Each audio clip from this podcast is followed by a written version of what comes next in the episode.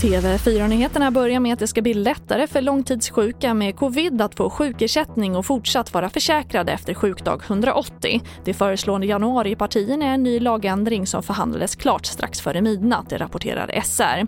Andelen långtidssjuka som blivit utförsäkrade efter 180 dagar har under de senaste åren ökat, även innan coronapandemin.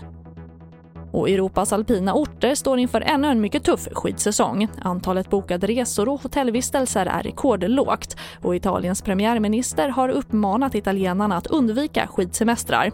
Han ber också sina kollegor i Österrike, Tyskland och Frankrike att inta samma hårda linje.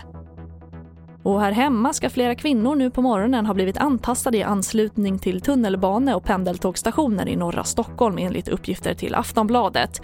Kvinnorna som utsatts ska ha blivit tafsade på rumpan. I nuläget finns ingen misstänkt.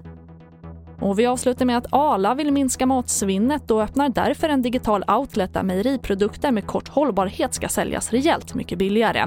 Det skriver Aftonbladet. Målet är att dessa färska produkter ska komma till användning på restauranger och hos konsumenter.